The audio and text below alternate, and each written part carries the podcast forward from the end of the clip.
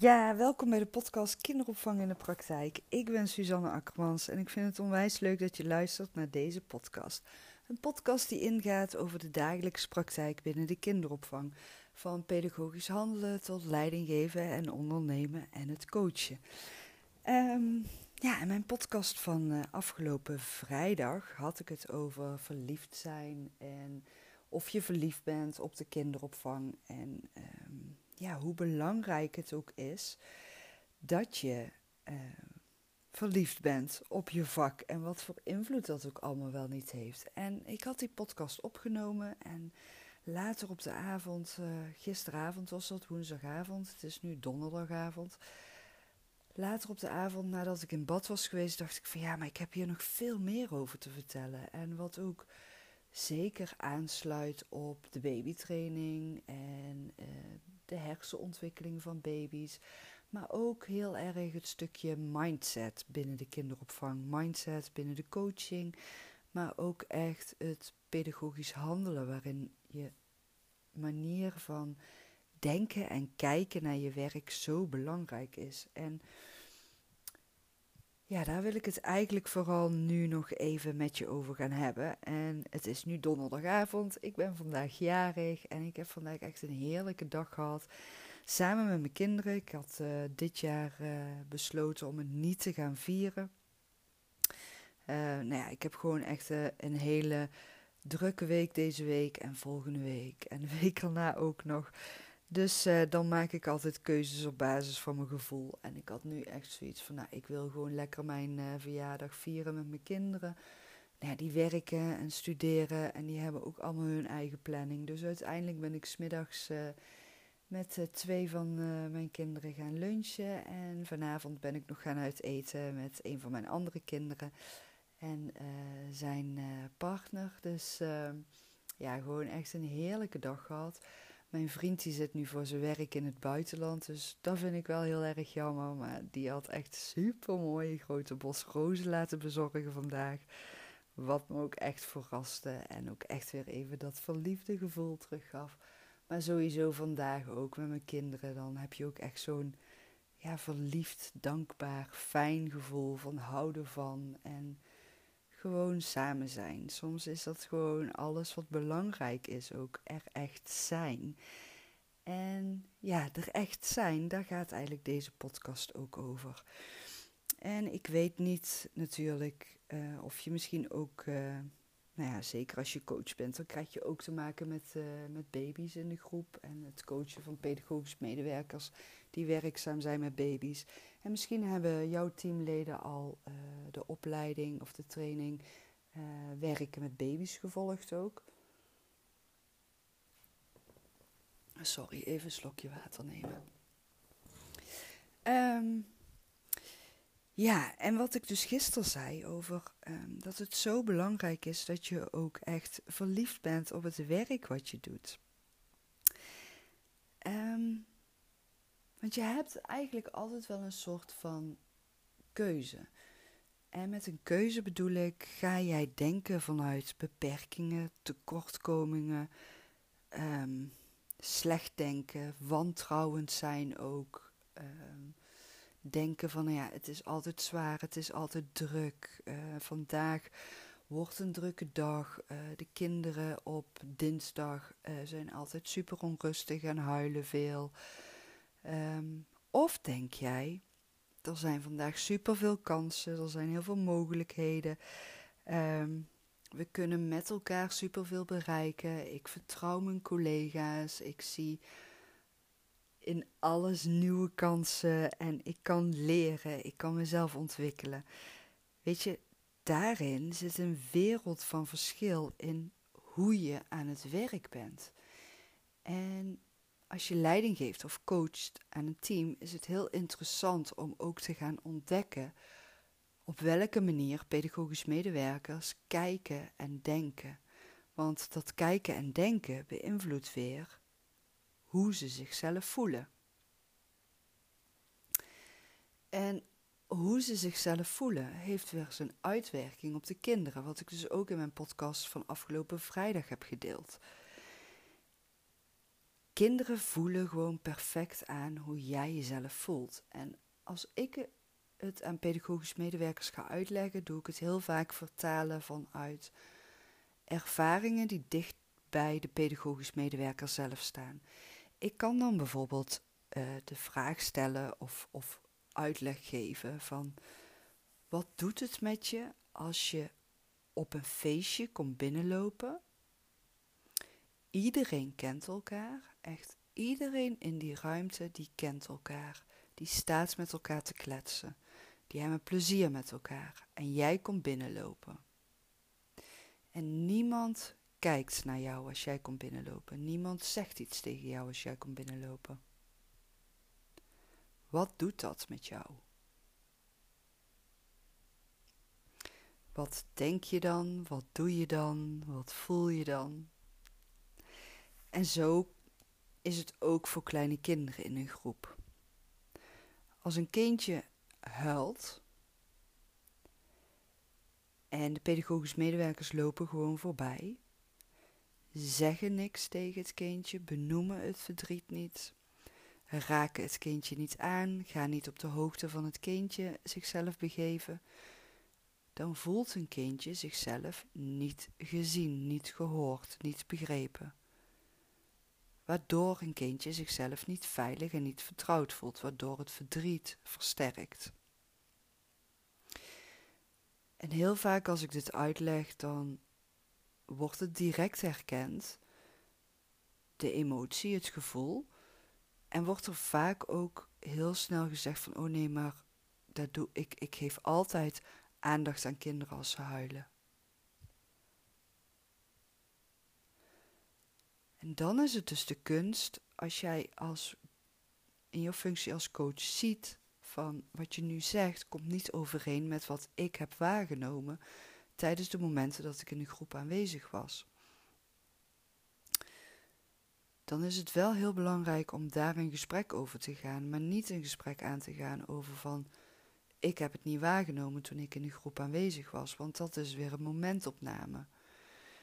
En dat is altijd wel even um, balanceren, zoeken en ontdekken hoe je daar bewustwording in kan gaan creëren. Ik zet dan het liefste videoopnames in. Dus eh, door middel van video-interactietraining. Want dat vind ik dan vaak het meest effectief werken wanneer een pedagogisch medewerker zich niet bewust is van wat hij op dat moment aan reacties geeft aan de kinderen tijdens momenten van verdriet. Maar ook de drukke momenten. Want heel vaak op de drukke momenten, de overgangsmomenten, dus de momenten dat kinderen naar bed gaan, de kinderen verschoond moeten gaan worden, de kinderen gehaald of gebracht worden, de kinderen ehm, aan tafel gaan, van tafel gaan, weet je wel, die momenten, die overgangsmomenten, komt het heel vaak voor dat pedagogisch medewerkers zo bezig zijn met dat wat ze op dat moment aan het doen zijn. En dat is geen verwijt of, of tekortkoming. Nee, het is, ik zie dat echt als een ontwikkelingskans. En ik benader dat ook positief. Het zijn momenten waarop bewustwording gecreëerd mag gaan worden. En vaak ontstaat die bewustwording door video-interactietraining. Omdat je dan die overgangsmomenten kan gaan filmen en ze die momenten gaan terugkijken en dan pas bewust gaan zien van, oh, wacht even. Ik zie dat bij dat kindje en ik zie dat ik dat zelf niet heb gedaan. Terwijl ik zelf ook heel sterk gericht ben op ga het positieve benoemen tijdens de video-interactietraining, is het juist ook wel heel goed als een pedagogisch medewerker die momenten dan ziet van zichzelf, om daar met elkaar over in gesprek te gaan. En te gaan ontdekken van welke kansen zijn er dan. En te gaan ontdekken van wat zou je dan wel kunnen gaan doen.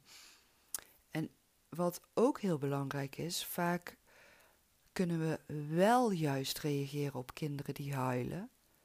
En niet reageren op kinderen die stil zijn. En ik vind de stille kinderen zijn vaak ook de kinderen waar de aandacht op gericht mag worden. Ik denk dat we allemaal ook wel die verhalen kennen van baby's die heel de dag tevreden zijn en die je heel makkelijk vergeet. En ook peuters of dreumissen die altijd zichzelf wel vermaken en dat je echt alert moet zijn op het kindje aandacht geven, omdat die gewoon niet om aandacht vraagt. Nou, zeker bij baby's die heel stil zijn en nooit huilen, is het heel belangrijk om naar de lichaamstaal van de baby te kijken.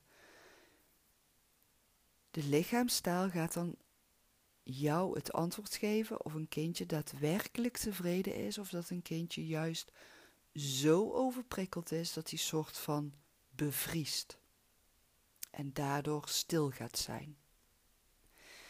En zeker op die drukke momenten is het heel belangrijk om daar bewust van te zijn.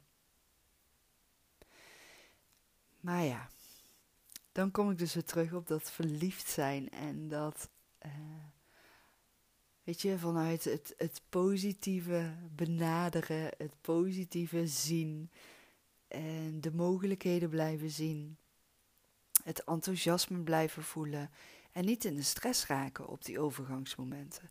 Wat heeft een pedagogisch medewerker nodig om tijdens overgangsmomenten echt die liefde te kunnen blijven voelen en geven aan de kinderen? En hoe kan je daar een pedagogisch medewerker bij helpen? Dan vind ik het heel erg fijn om coaching on the job toe te passen.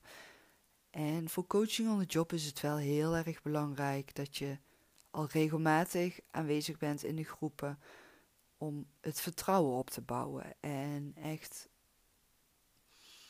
ja, te investeren in het aanwezig zijn. En vaak krijg ik dan heel snel van pedagogisch coaches de ja-maar reactie van ja, maar er is geen tijd voor of ik heb dubbele functies. Toch wil ik jou dan vragen van probeer eens te ontdekken voor jezelf welke momenten jij in jouw werkweek toch daarvoor uit kan gaan kiezen en een soort van kan gaan blokken in jouw agenda. Van dat zijn de momenten. En als dat niet gaat, probeer dan eens creatief vanuit die verliefde blik te kijken naar een werkweek. Welke momenten zou je dan toch even, al is het maar vijf minuten, in een groep kunnen gaan zitten?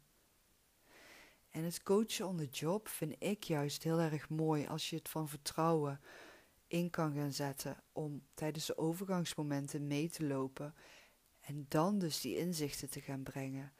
Als een pedagogisch medewerker dan uit de slaapkamer komt lopen. Oké, stop even. Je hebt nu dit kindje in je armen vast. Wat voel je nu in jezelf?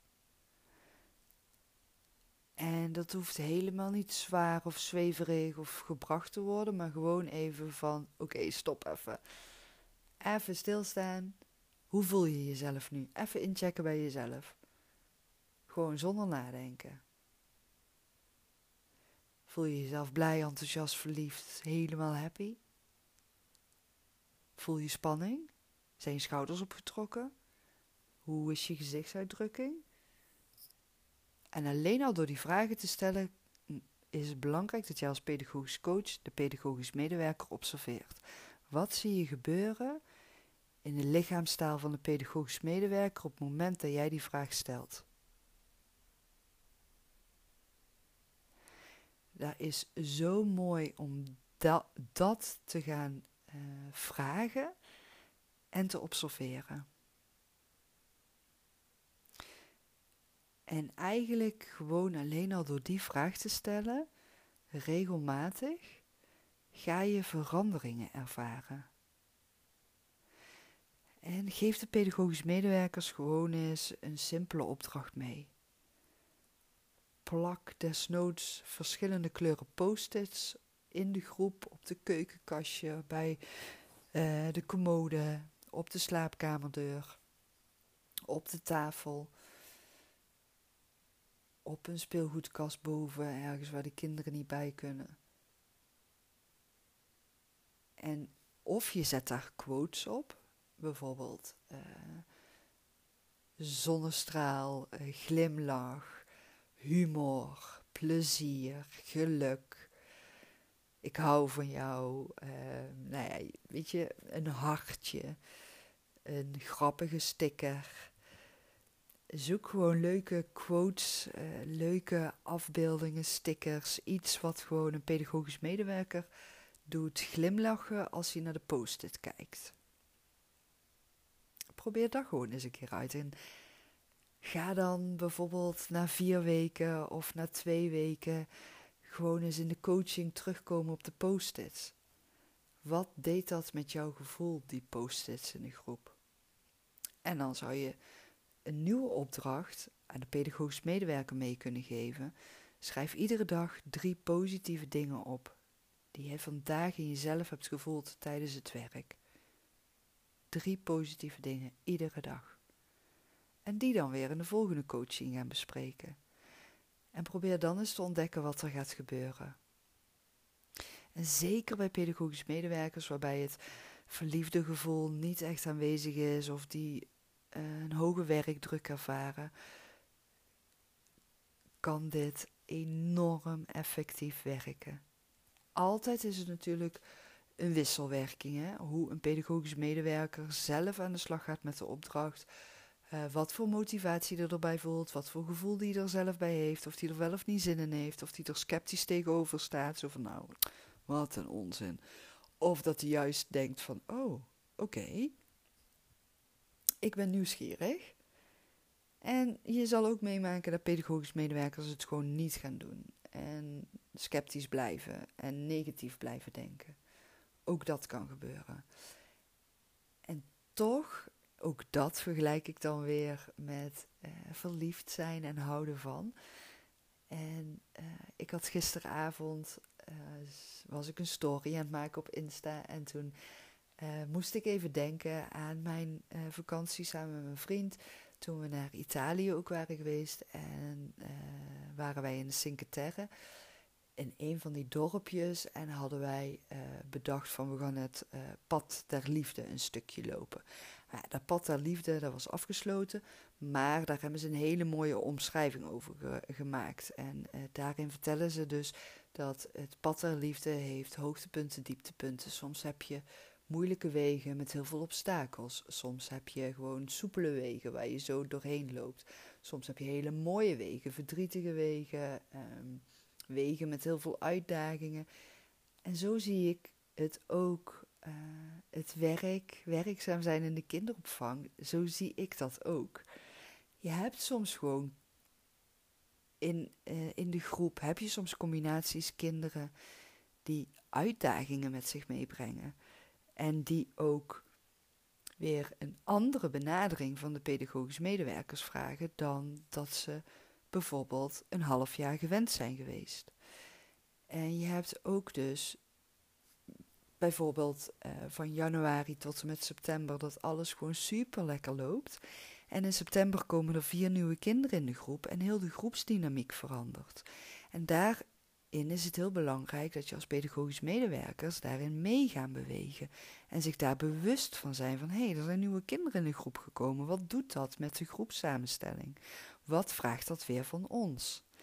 En dan is het de kunst dat je je pedagogisch handelen daarop ook kunt afstemmen en kunt bijstellen.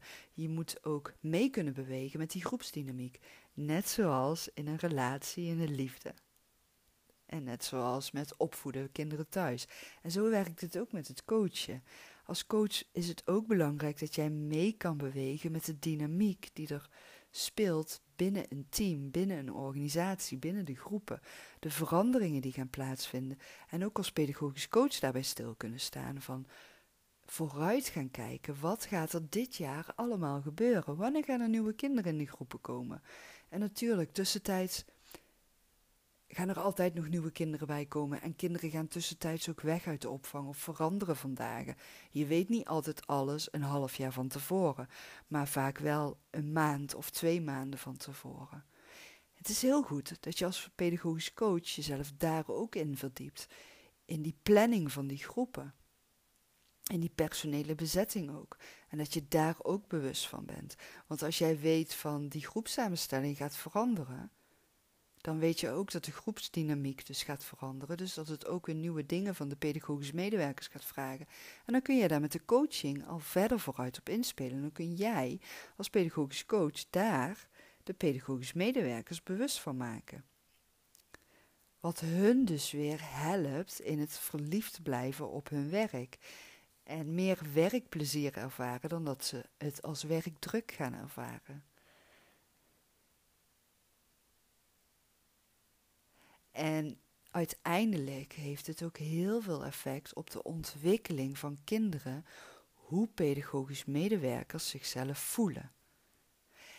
En daar wil ik in een volgende podcastaflevering op terugkomen. Ik zie dat ik nu alweer 20 minuten heb zitten praten. Ehm, en ik ga de komende dagen, het komend weekend, ga ik nog zoveel leuke dingen doen. Ehm, ik ga bijvoorbeeld uh, morgen vrijdag heb ik een, uh, een uh, hele dag coaching vanuit de Golden Circle van Simone Levy voor mezelf.